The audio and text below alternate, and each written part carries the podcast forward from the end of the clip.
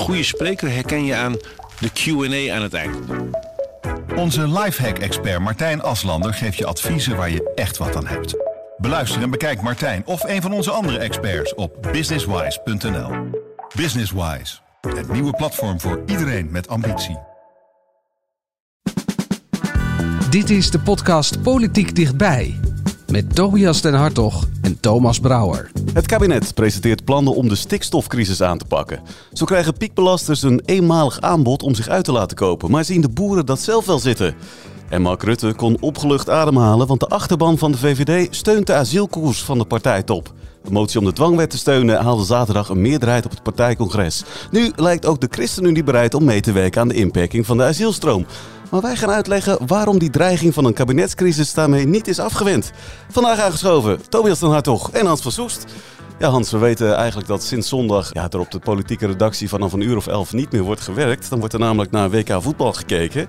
Ja, ik zie nu opeens uh, schuldbewuste blikken, jongens. Ja, ik, ik geef toe, wij hebben uh, op de redactie uh, de televisie aanstaan. en we hebben hard gejuicht toen zowel Argentinië als Duitsland toch heel verrassend door een een outsider uh, werden verslagen. Hoe gaat het met de pool, uh, Tobias? Oh, ik heb uh, niks ingevuld. En dat was maar goed ook, want ik denk dat ik er stevast na, naast had gezeten. Ja, nee, dat is echt, Zie je nou ook dat de kabinetsleden nou nog stiekem tijdens een debat op, op een telefoontje voetbal zitten te kijken? Nee, er zijn wel voetballiefhebbers in het kabinet. Hè? Bijvoorbeeld van Dylan Jezielkes weet ik dat. Die is echt Ajax-fan. Die, die gaat volgens mij elke week naar de arena. Erik van den Burg is volgens mij ook wel een behoorlijke voetballiefhebber. Er zijn wel zo her en der wat kabinetsleden. Maar ja, die moeten het wel uit hun hoofd laten. Want als je betrapt wordt uh, dat je zit te candy crushen, dan, uh, dan krijg je de toren van de Kamer, die dat zelf overigens ook gewoon doet, over je heen. En laat staan als je voetbal zit te kijken. Ja, dan is er ook veel te doen om die wedstrijd van komende dinsdag. Ja, minister Helder, die is daarbij namens ons kabinet. En uh, mogelijk uh, gaat ze daar een, uh, een One Love armbandje dragen. Net zoals de Duitse minister ze dat heeft gedaan. Nog over Althans, ze denkt erover na. Ik vermoed overigens dat ze het niet gaat doen. Nee, ik denk het ook niet. Als we dan toch een poeltje uh, moeten ja, inzetten. Ik durf, die, ja, ik durf dat ook wel aan. Ik, heb je die, die Belgische minister gezien? Die had dus een België shirt aan. Vond ik wel heel leuk. En dan ook, een, uh, ook die band. En uh, ik vond met name, zij werd na afloop geïnterviewd van... Goh, was dit nou een statement? En het is niet dat ze deed alsof het niet bestond, maar ze zei gewoon, ja, dit, dit willen wij uitdragen. Dus, en wat de FIFA er verder van vindt. En, ik, en ze, ze ging ook niet uithalen naar de Qatari of naar FIFA. Gewoon, nee, dit is onze, onze statement. En uh, uh, ja, de, iedereen moet er maar mee doen wat hij zelf wil. Dat vond, ik vond het wel een sterk optreden. Maar ik denk niet dat uh, Connie Helder... Nou ja, uiteindelijk gaat ons kabinet, gaat Helder daar ook niet naartoe om een statement af te leggen. Nee. Ik bedoel, dat statement dat leg je vooral af voor je eigen achterban hier in Nederland. En we gaan naar uh, die wedstrijd toe omdat we geen diplomatiek conflict willen Ja. met, uh, met Qatar.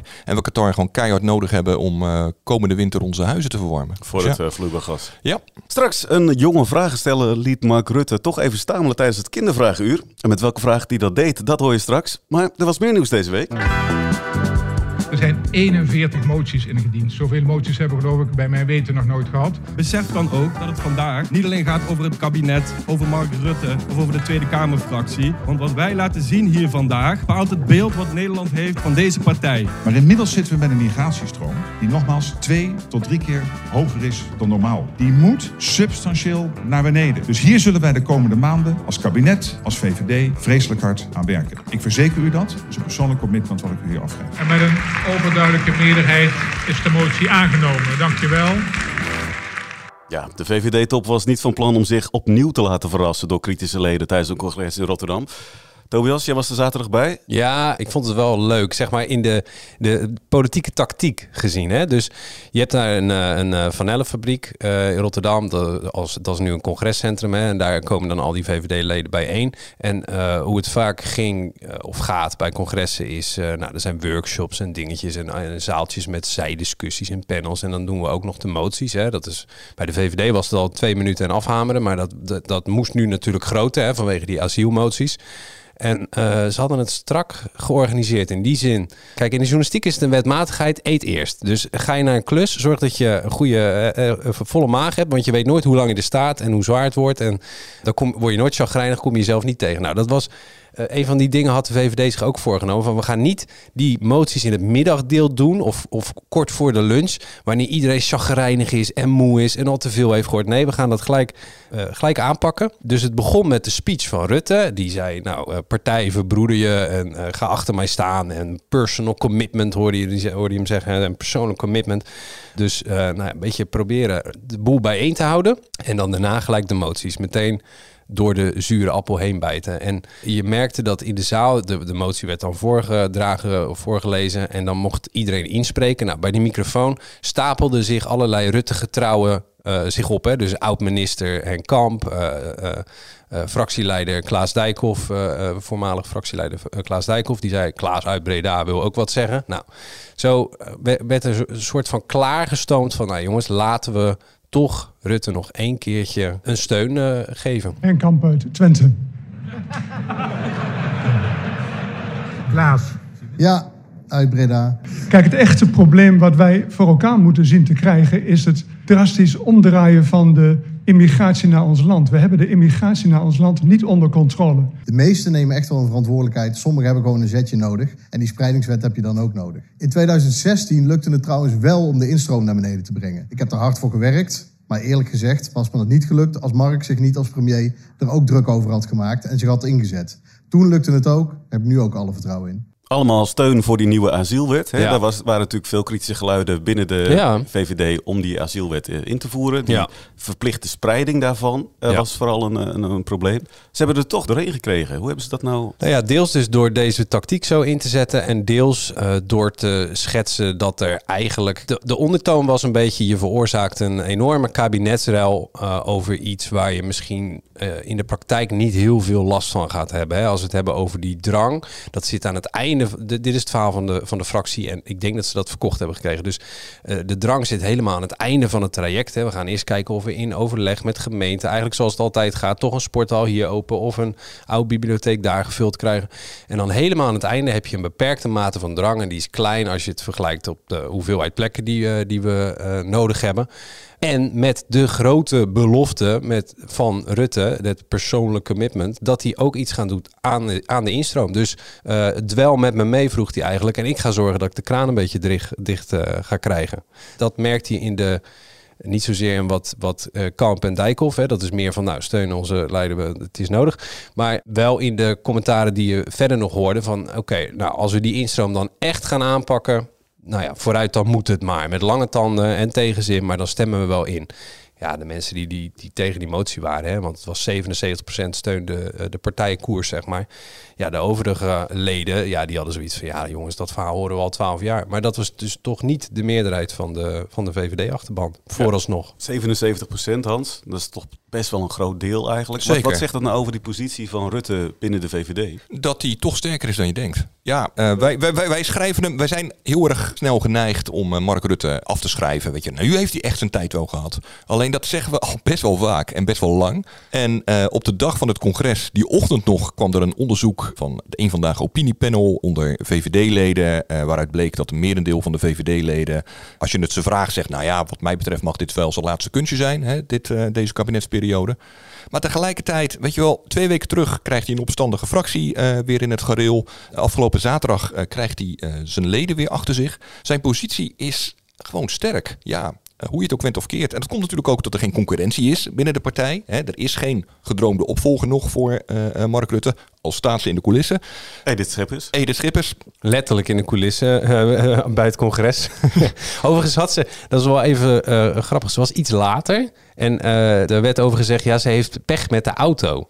Maar Hans en ik vertrouwen dat niet helemaal, hè Hans? Want Ik had de indruk dat het, eh, ze misschien eh, niet bij dat pijnlijke gedeelte, mogelijke pijnlijke gedeelte, want ze wisten natuurlijk van tevoren bij de VVD ook niet hoe pijnlijk de ochtendsessie zou worden, Ja. gewoon even niet aanwezig wilde Ja, zijn. het, was, het is mij niet duidelijk hoe laat ze precies binnen is gekomen. Want ze, ze, ze, sloop echt zo stilletjes de zaal in een beetje. Dus Daarmee was ze ook geen onderdeel van de discussie, dus dat Nee. komt... ja, dat kwam wel goed uit. Kwam wel ja. goed Ja. uit. Maar goed, eh, misschien had ze gewoon Misschien een... eh, is ook zo, hè. Misschien- ja, misschien misschien was zien de we accu weer- leeg of eh, kan, hè. Ja, Ik bedoel, het is ook wel weer zo dat wij in Den Haag vaak, heel vaak allerlei scenario's en complotten vermoeden. Terwijl het Ja. gewoon helemaal niet. Terwijl het gewoon dom toeval is. ja, je denkt Ja. House of Cards, maar Ja. het is vaker Peppy en Kokkie gewoon. Ja. Het is echt... Ja. Dat is nou een mooie vergelijking. Die gaan we onthouden. Ja. Ja, Rutte heeft dus nu beloofd om die asielstroom omlaag te gaan brengen. Hoe gaat hij dat dan doen? Ja, een goede vraag. Dat weet hij zelf ook niet. En voor zover hij het al weet, gaat hij het niet zeggen, zegt hij dan. Want dat, eh, dan staan er, eh, zei hij letterlijk, twintig hoogleraren klaar. Die zitten allemaal in de smink thuis te wachten totdat wij ze gaan bellen met waarom dat dan niet kan. Hè? En dan is, is het idee eigenlijk al dood voordat het geboren is. Eh, er zijn wel, kijk, ergens heeft de VVD het tij mee. In die zin, er is, zijn ook, wij zijn niet het enige land in Europa dat kampt met hele hoge instroom. Hè. Er, zijn ook meer, er zijn veel meer landen die er last van hebben. Los nog van Griekenland, maar Italië, Spanje. eh, ook op de Westerse Balkan, dat is inmiddels een route aan het worden. Dus er zijn ook in Europa, vandaag is er weer overleg met de ministers van Buitenlandse Zaken over, die, eh, over dit, dit probleem. Eh, er, zijn wel, er is wel een soort stemming van: oké, we moeten misschien nu naar maatregelen gaan grijpen. Die, die waarvan we in het verleden zeiden: ja, dat is juridisch gewoon niet haalbaar. Dan gaat het bijvoorbeeld over eh, die bootjes die op de Middellandse Zee de, de, de gammele vlotten eh, ophalen. En die mensen dan in Europa aan, aan wal brengen. Dat is volgens maritieme wetgeving wat je moet doen. Maar klinkt het nu in Brussel van ja, is dat nog wel van deze tijd? Nou ja, zo zijn er.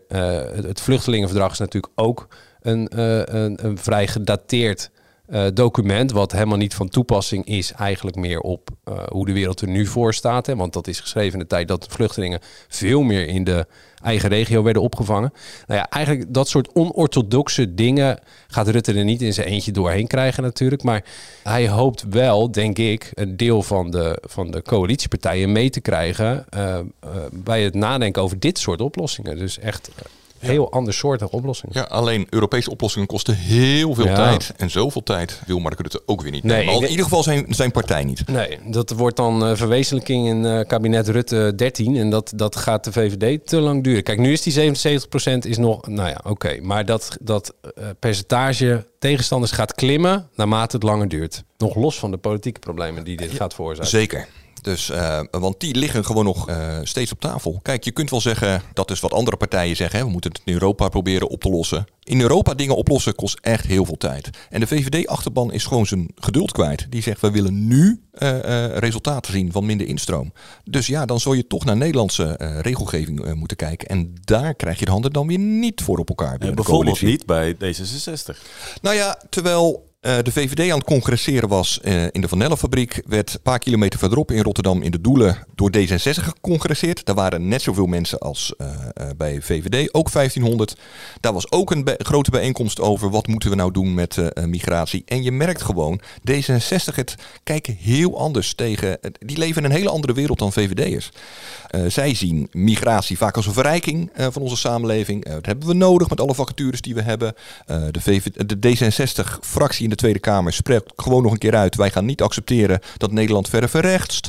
D66-senaatsvoorzitter Petra Stine zei nog eens een keer... al die partijen die denken dat je migratie kunt stoppen. Er zijn ook mensen die geloven dat de aarde plat is. Kortom, die kijken echt heel anders naar migratie dan VVD'ers. Nou ja, probeer dan maar eens een keer tot een overeenstemming te komen... over meer grip op migratie. Er wordt al wel binnen het kabinet door een aantal ministers eh, gefilosofeerd... over jongens, hoe zouden we dat kunnen doen?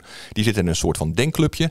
Alleen daar wordt eigenlijk niet zozeer op naar een compromis gezocht. Eh, wat ze, die ministers vooral aan het doen zijn, is eerst eens een keer de feiten eh, op tafel eh, krijgen. En op papier zetten hoeveel migranten komen er nou eigenlijk, hoeveel asielzoekers zijn het, hoeveel arbeidsmigranten zijn het, uit welke landen komen ze, wat zijn überhaupt de wettelijke mogelijkheden om daar iets aan te doen. En meer dan dat is het ook niet.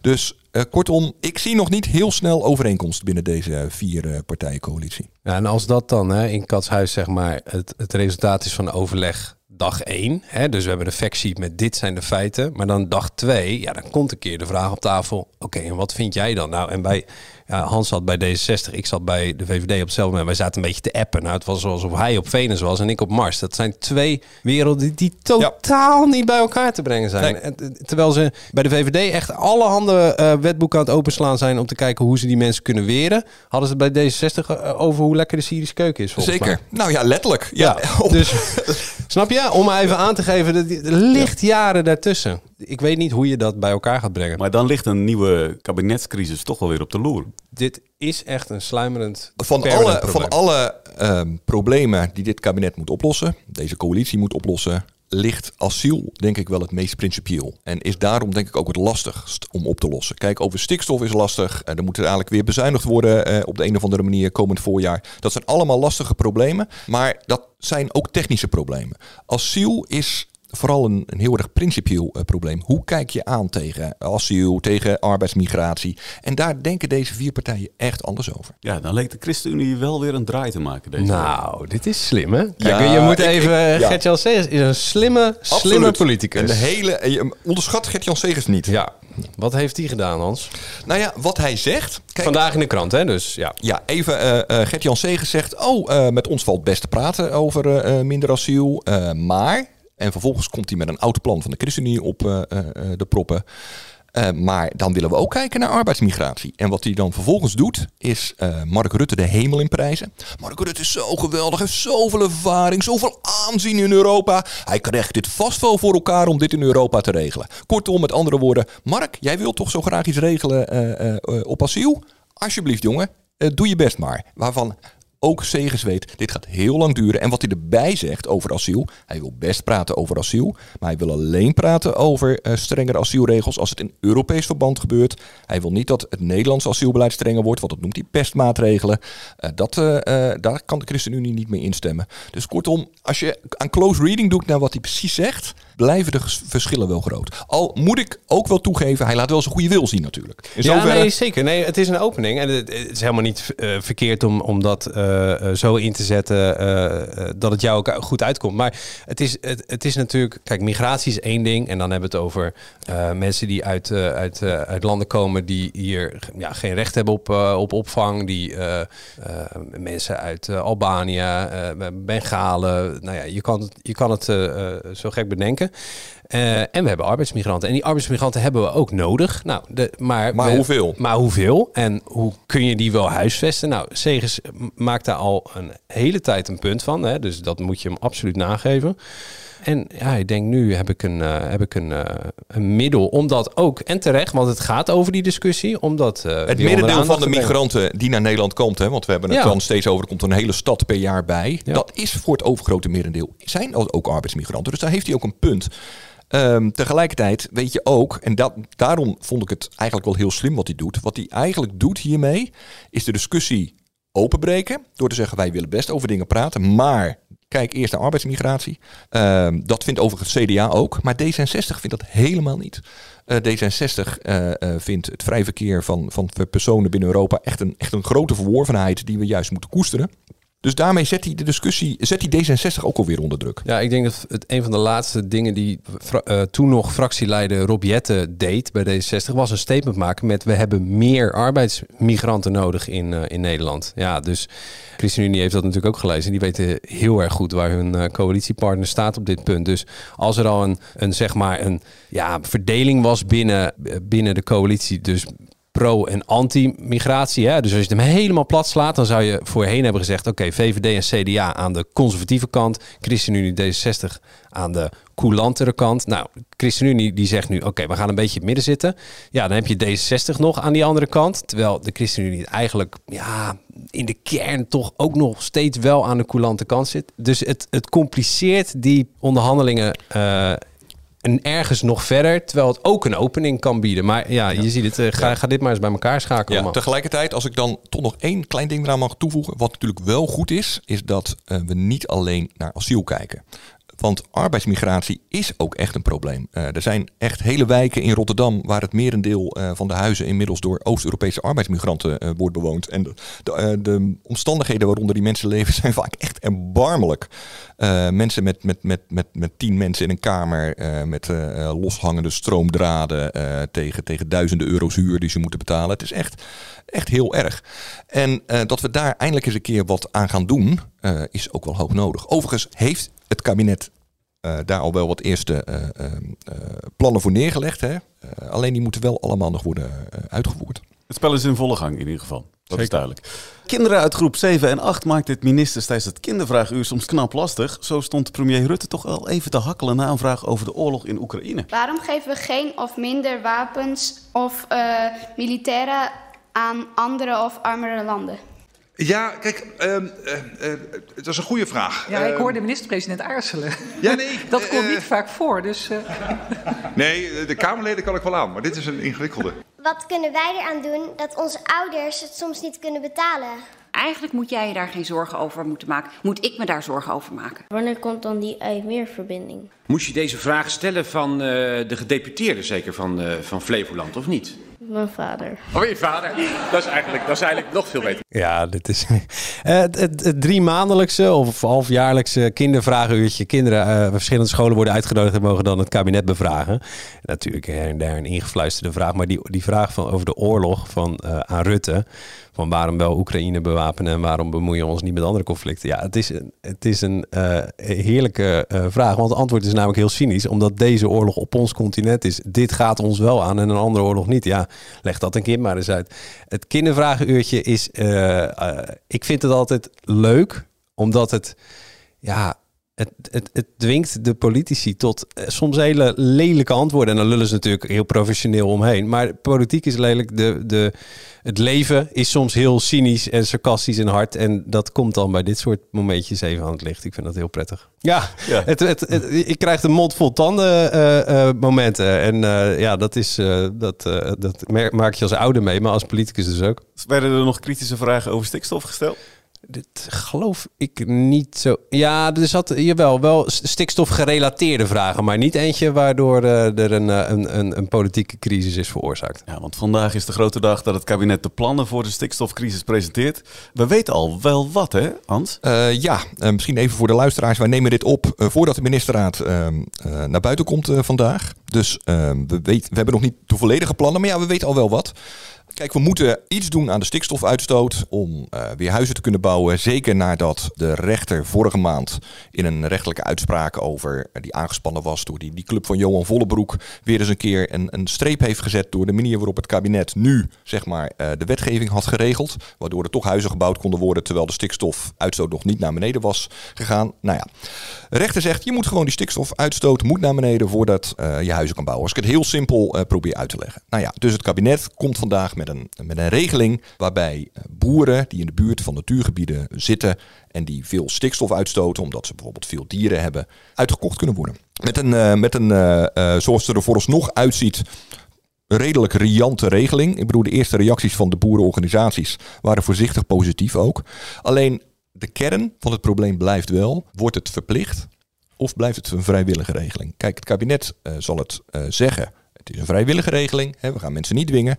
Maar uiteindelijk, als boeren um, niet instemmen met zo'n uitkoopregeling, en ze zeggen nee, ik wil gewoon door blijven gaan met boeren, worden ze wel geconfronteerd met steeds strengere milieuregels. Uh, Want ja, dat is nodig om die stikstofuitstoot uh, naar beneden te krijgen. Dat is nodig zodat we weer huizen kunnen bouwen. Dus ja, uiteindelijk wordt het boeren die eigenlijk zeggen nee, ik wil door blijven gaan, ik neem die regeling niet worden eigenlijk via de achterdeur wel gedwongen om alsnog te stoppen. En dus gaat het vooral om verleiding. Verleiden, dat is het toverwoord van de nieuwe stikstofaanpak van het kabinet. Het kabinet blijkt nu met een bonus te willen komen om boeren bij natuurgebieden uit te kopen. Dat vinden wij een goede zaak. Dat je een, uh, een gesprek voert met, met boeren, dat er geen lijstjes gaan circuleren. Uh, maar wat ik hoor over uh, strengere milieueisen en dat eigenlijk het als een soort oproeppremie gaat functioneren. Ja, dat lijkt uh, ons echt geen goede ontwikkeling. Gematigd positief, hè? dat is wel een beetje wat je, wat je hoort, toch? Van ja, deze kijk, ja, oprotpremie. Kijk, de, de, destijds was het uh, Christiane van der Wal, hè, de minister van Stikstof, die zei het wordt een woest aantrekkelijke regeling. Nou, is het een woest aantrekkelijke, aantrekkelijke regeling? Nou ja, 120 ja, klinkt toch best wel aardig. Klinkt wel 120 procent? Klinkt wel aardig, maar dat is, het, is dat woest aantrekkelijk? Het, het, hè, vertaal het even naar je leven. En, en ja. Maar, maar, vertaal het naar de, de schulden uh, die heel veel boeren hebben uh, moeten maken uh, om te investeren in hun bedrijf. Ja. wat vaak ook een ouderdags voorziening is. Dus ik, ja. Aan de andere wat... kant, als je weet in het vooruitzicht het is dat je heel anders moet gaan boeren of beperkter moet gaan boeren. Uh, of met innovaties die je ook weer moet gaan bekostigen, dan is het misschien wel een woest aantrekkelijk alternatief. Ja. Voor wat je niet wil. Maar... Zeker ook omdat, eh, en dat weet het kabinet ook, eh, er heel veel boeren zijn. eh, die zijn al wat ouder en die hebben geen opvolger voor hun bedrijf. Omdat hun kinderen bijvoorbeeld zeggen van ja, sorry pap, maar ik zie het niet zitten om te gaan boeren de rest van mijn leven.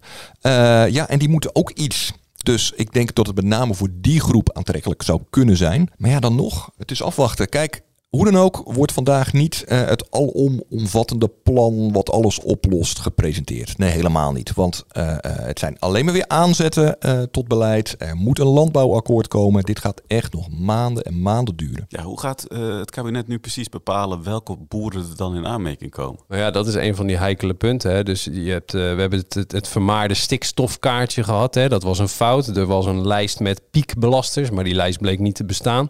Nou ja, het, eh, eh, wat we horen is dat dat er nu wel in zit. Nou ja, Eh, provincies hebben natuurlijk een beter overzicht van eh, welk bedrijf Ja. waar eh, wel of niet een probleem vormt voor een natuurgebied. Dus je gaat iets meer decimalen achter de komma horen wie dat dan zijn, maar nog niet volledig. En als je naar een landbouwakkoord gaat, hè, de- en dat is waar de minister, nu is dat Adema, hè, het was Staghouwer niet gelukt, maar Adema wil, doet poging 2, zullen we maar zeggen. Als je naar een landbouwakkoord gaat, ja, dan wil je dus ook niet op dag 1 iedereen op de kast hebben. En je wil eh, eh, in gesprek blijven. En je wil eh, nog wat ruimte hebben voor compromissen. Dus wat je vanmiddag gepresenteerd gaat krijgen of hebt gekregen, dat is niet het eindwerkstuk. Het zijn vooral heel veel goede voornemens.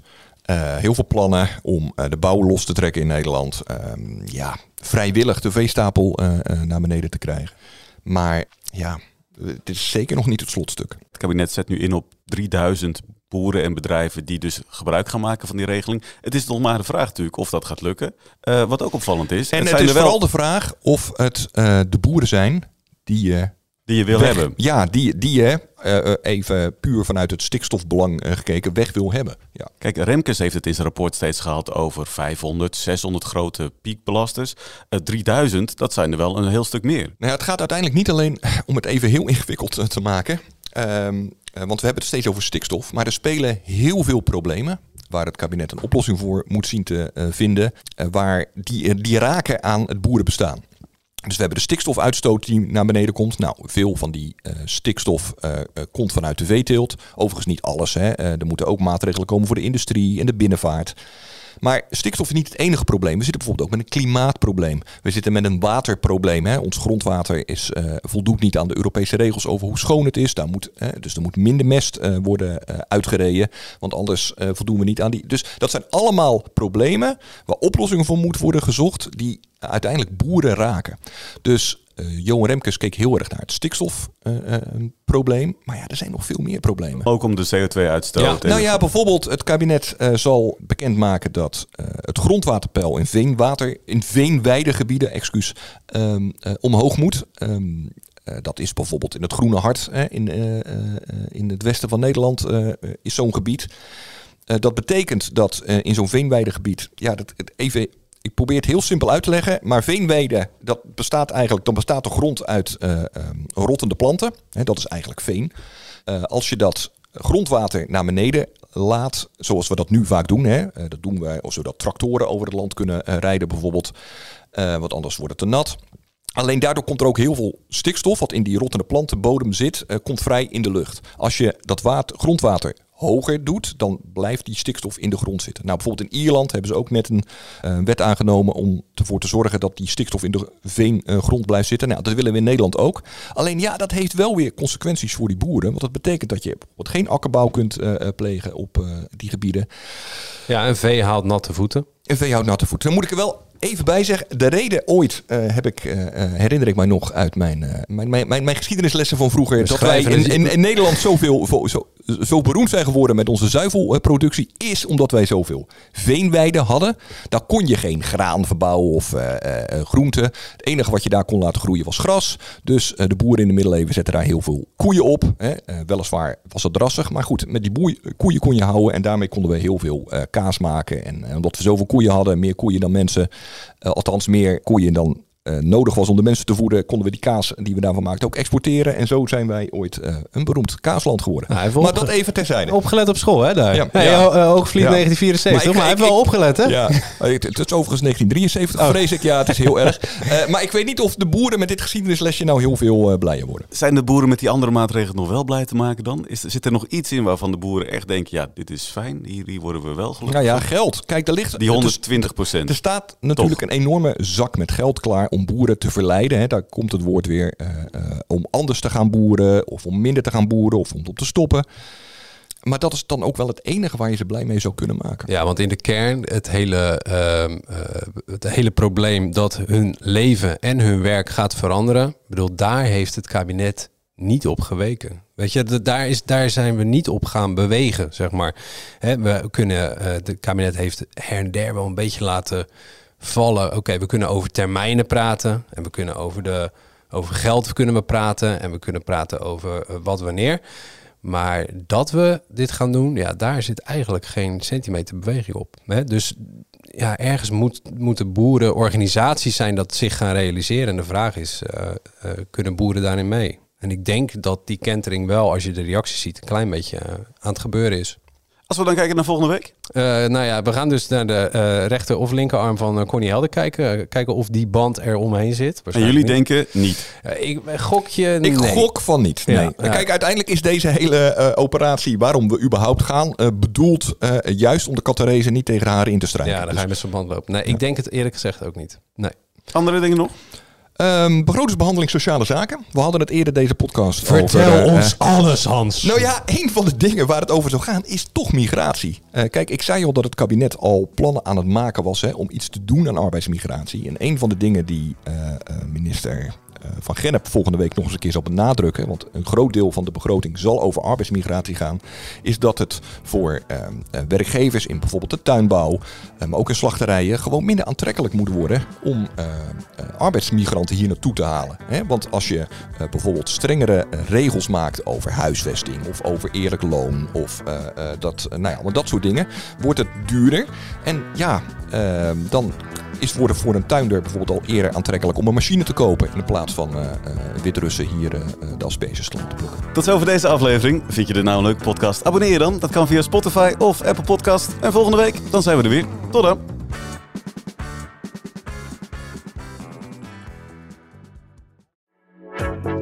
Een goede spreker herken je aan de Q&A aan het eind.